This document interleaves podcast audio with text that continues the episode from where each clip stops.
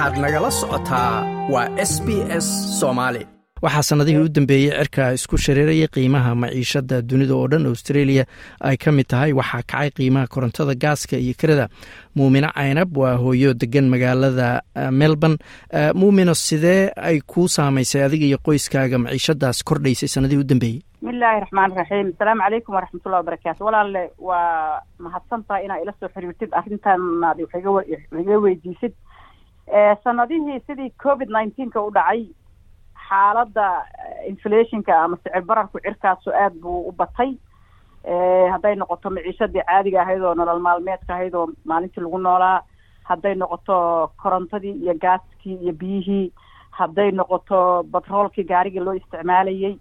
Marka xaaladaasu waa xaalad la falanqeyn kara maba ahan baaban is leeyahay hadda farahayba ka baxdayba waa gartay marka si arrintaas korarkaasoo kale sideed u maaraysaan ma wixii aad soo gadan jirteen baa matalan yaraysaan. Inaad soo gadataan ma korontada mar walba in nalalka la demiyaa sideed u maaraysaanoo isugu daydaan inay lacagtii ay ku filaato qarashaadkaa sii kordhayay. Runtii wax la yarayn karaa ma jiro. Mar haddii uu sicir bararku bato qarashkuna waa kugu badanayaa oo wax la yaraynayo marki wax la yaraynayo waa marki wixii ay macnaha isukaa dheelitiran yihiin ama beeci iyo barayska aad ku soo helayso uu macquul yahay.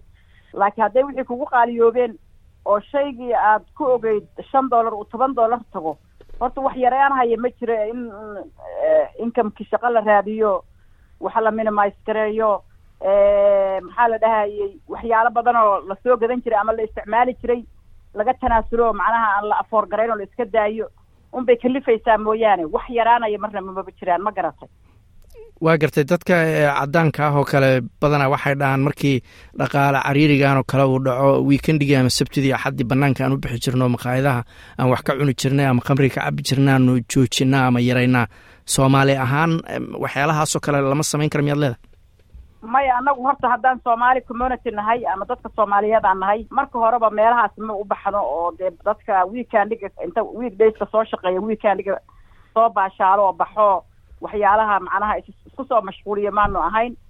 Waxaan nahay dad waxooda iyagu ay soo shaqaystaan ama wixii soo galo income ah gurigooda iyo ilmahooda iyo noloshooda isku isku dheelitiro oo isku ilaaliyaan ahayn. Marka taas waxaan umalaynhayaa xooga anagu dhinkaasaan uga fiican nahay oo xagga budgetinka inkastoo soomaalida budgetin ama haddii kale lacagtaan la leeyahay hala xisaabo oo hala xisaabtamo aanaan ba caado ulahayn oo wixii maalintaasna soo galo aan cuno barina berrina ilaahay baanu noo joogo ilaahay baan u leenahay aan macnaha ku xisaabtano ma garata waa gartay kiradoo kalaa ka mid ahayd waxyaalaha aada u qaaliyoobay ama guryaha la gadanayo qiimahooda laftigooda. Marka dhalinyarada yaryar ee matalan isguursada ama raba inay isguursadaan oo hadda guri kiraystoo kale oo raba inay dad madax bannaan noqdaan oo xorahoo dibadda degaan.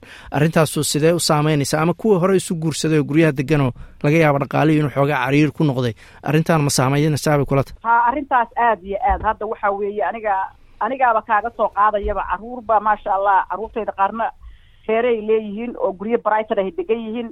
Anigu guri dawladeed baan aniga la isiiyey carruurta aan ku korsaday iminkana aan deganaho aan ku noolahay oo inta ila nool ay ula nooshahay laakiin intii waa weynaatay ama guryaha brightonka kiraystay oo guursaday kiradii baa aada iyo aada culays ugu haya.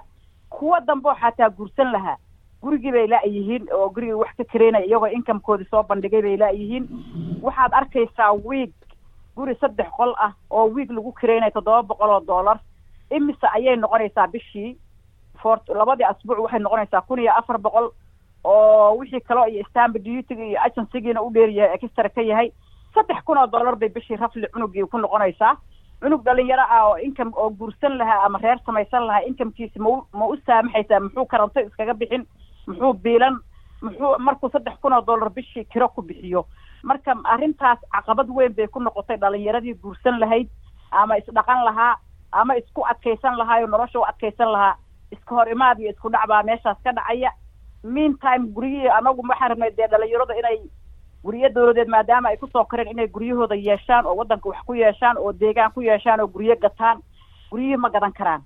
Oo waxa weeye waa inaad atleast haysataa markaabaad qaadanaysid guri boqolkiiba soddon waa inaad haysataa. Boqolkiiba soddon seed ku seef garaynaysaa qof saddex kun oo dollar bishii laga rabo gurigu deganaa saddex kun oo dollar oo kiraa laga qaadayo see buu ku seef garayn karaa lacag boqol kiiba soddon ah oo inuu macnaha guri ku ku gato ama guri uu ku yeesho meeshaas waxaa kaaga soo baxaysa in kiradiina ay qaali ku tahay gurina aysan gadan karin oo hanti ma guurta aysan yeelan karin. Dadku aynu iska ahaadaan dad boorsadooda xidxidhantoo hadda meel u guuro hadda meel u karaysto hadda meel macnaha korsaar oo kale ah. Haddii kalena waxayba noqonaysaaba guryihii dawladda de waalidkii ay ku soo koriyeen oo dawladdu siisay inay dib ugu soo noqdaan ay dhahaan qolkayga aan ku soo koro markaan yaraa aan deganaa hala ii xaarxaaro meeshaan ku soo noqonaya. Arrintaasaa jirta walaal waa gartay marka waxaad leedahay sidii soomaaliya waagii markii wiilkii gabadhu isguursadeen inta loo xoola gooyo guriga laftigiisana qol looga banayn jiray waalidku qol ha u baneeyaan arrinkaasu waxay sida arrinku ku socdo haddaan dawladdu guryaha raqiisin haddaan dadka dhalinyarada ah macnaha loo fiirin si gooni ah ama dhaqaalahooda iyo inkamkooda iyo waxbarashadooda lagu xirin oo lagu fiirin arrinkaas kama marnaanayso inay gabadhiina soo noqoto oo dhahdo inan layaal noqoto wiilkiina soo noqdo u dhaho hooyo aniga xaaskayga iyo carruurtayda adaan kula degaynaa. Ma garat arrinkaa inay dhacdana annagu waan ka soo horjeednaayo ma doonayna carruurta inay guryihii lagu koriyey oo ay deganaayeen oo dawladda inay dib ugu soo noqdeen inay wax qabsadaan oo wax yeeshaan oo horumar sameeyaan oo waddanka expand sameeyaan oo isku ballaariyaan baan doonaynaa. Waa gartay waxaa hadalkaa ka mid ahaa in soomaalidu caadiyan aysan lahayn nidaam ama aysan baran nidaamka budgetinka ama in ay xisaabtamaan oo dakhliga soo gelayay qarashka ka baxayo ay xisaabiyaan mayaysan ahayn wax laga maarmaana in la barto ay ay dadku fahmaan. Haddii kale dee maalin maalin baad u noolaanaysaa noloshoo dhan waa iska adkaanaysaa soo maha waa loo kala qaadaya dadka. Dadkii waxaa laga yaabaa hore oo waaweynaa oo anigoo kale ah inay xisaabtanka iyo budgetka iyo dollarba dollar ku dara ay yaqaaniin oo cuntada tag aweyga ama cuntada shoppingka ay waxaas ilaaliyaan oo ay wax xisaabiyaan.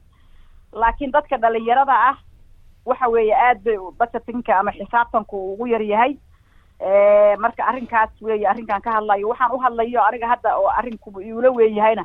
Dadka naga hore waaweynaa mooyaane waa dadka dhalinyarada australia ku dhashay ama ku koray ama wax ku bartay ama ku guursaday oo ka shaqeeya wey dadka aniga hadda waanadeyda ama hadalkayguba uu ku socdo inta u badan.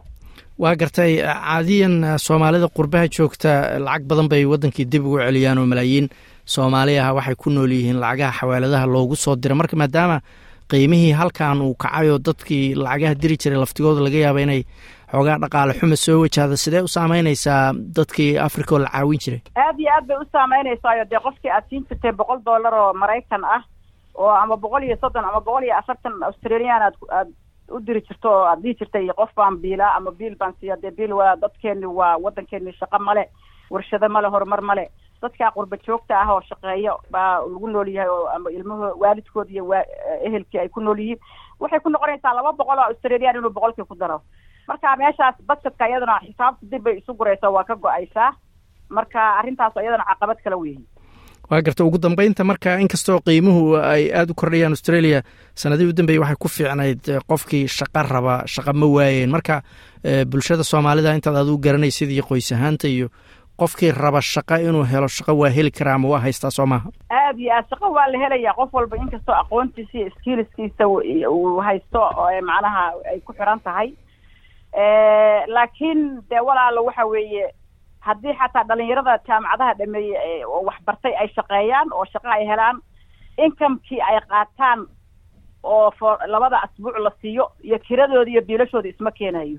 Total isma keenayo. Korontada waxaa lagu keenayaa lix boqol ama toddoba boqol oo dollar baa lixdankii cisho lagu keenin. Biyaha waa saas oo kale gaaska waa saas oo kale gurigiina saddex kun oo dollar bishii.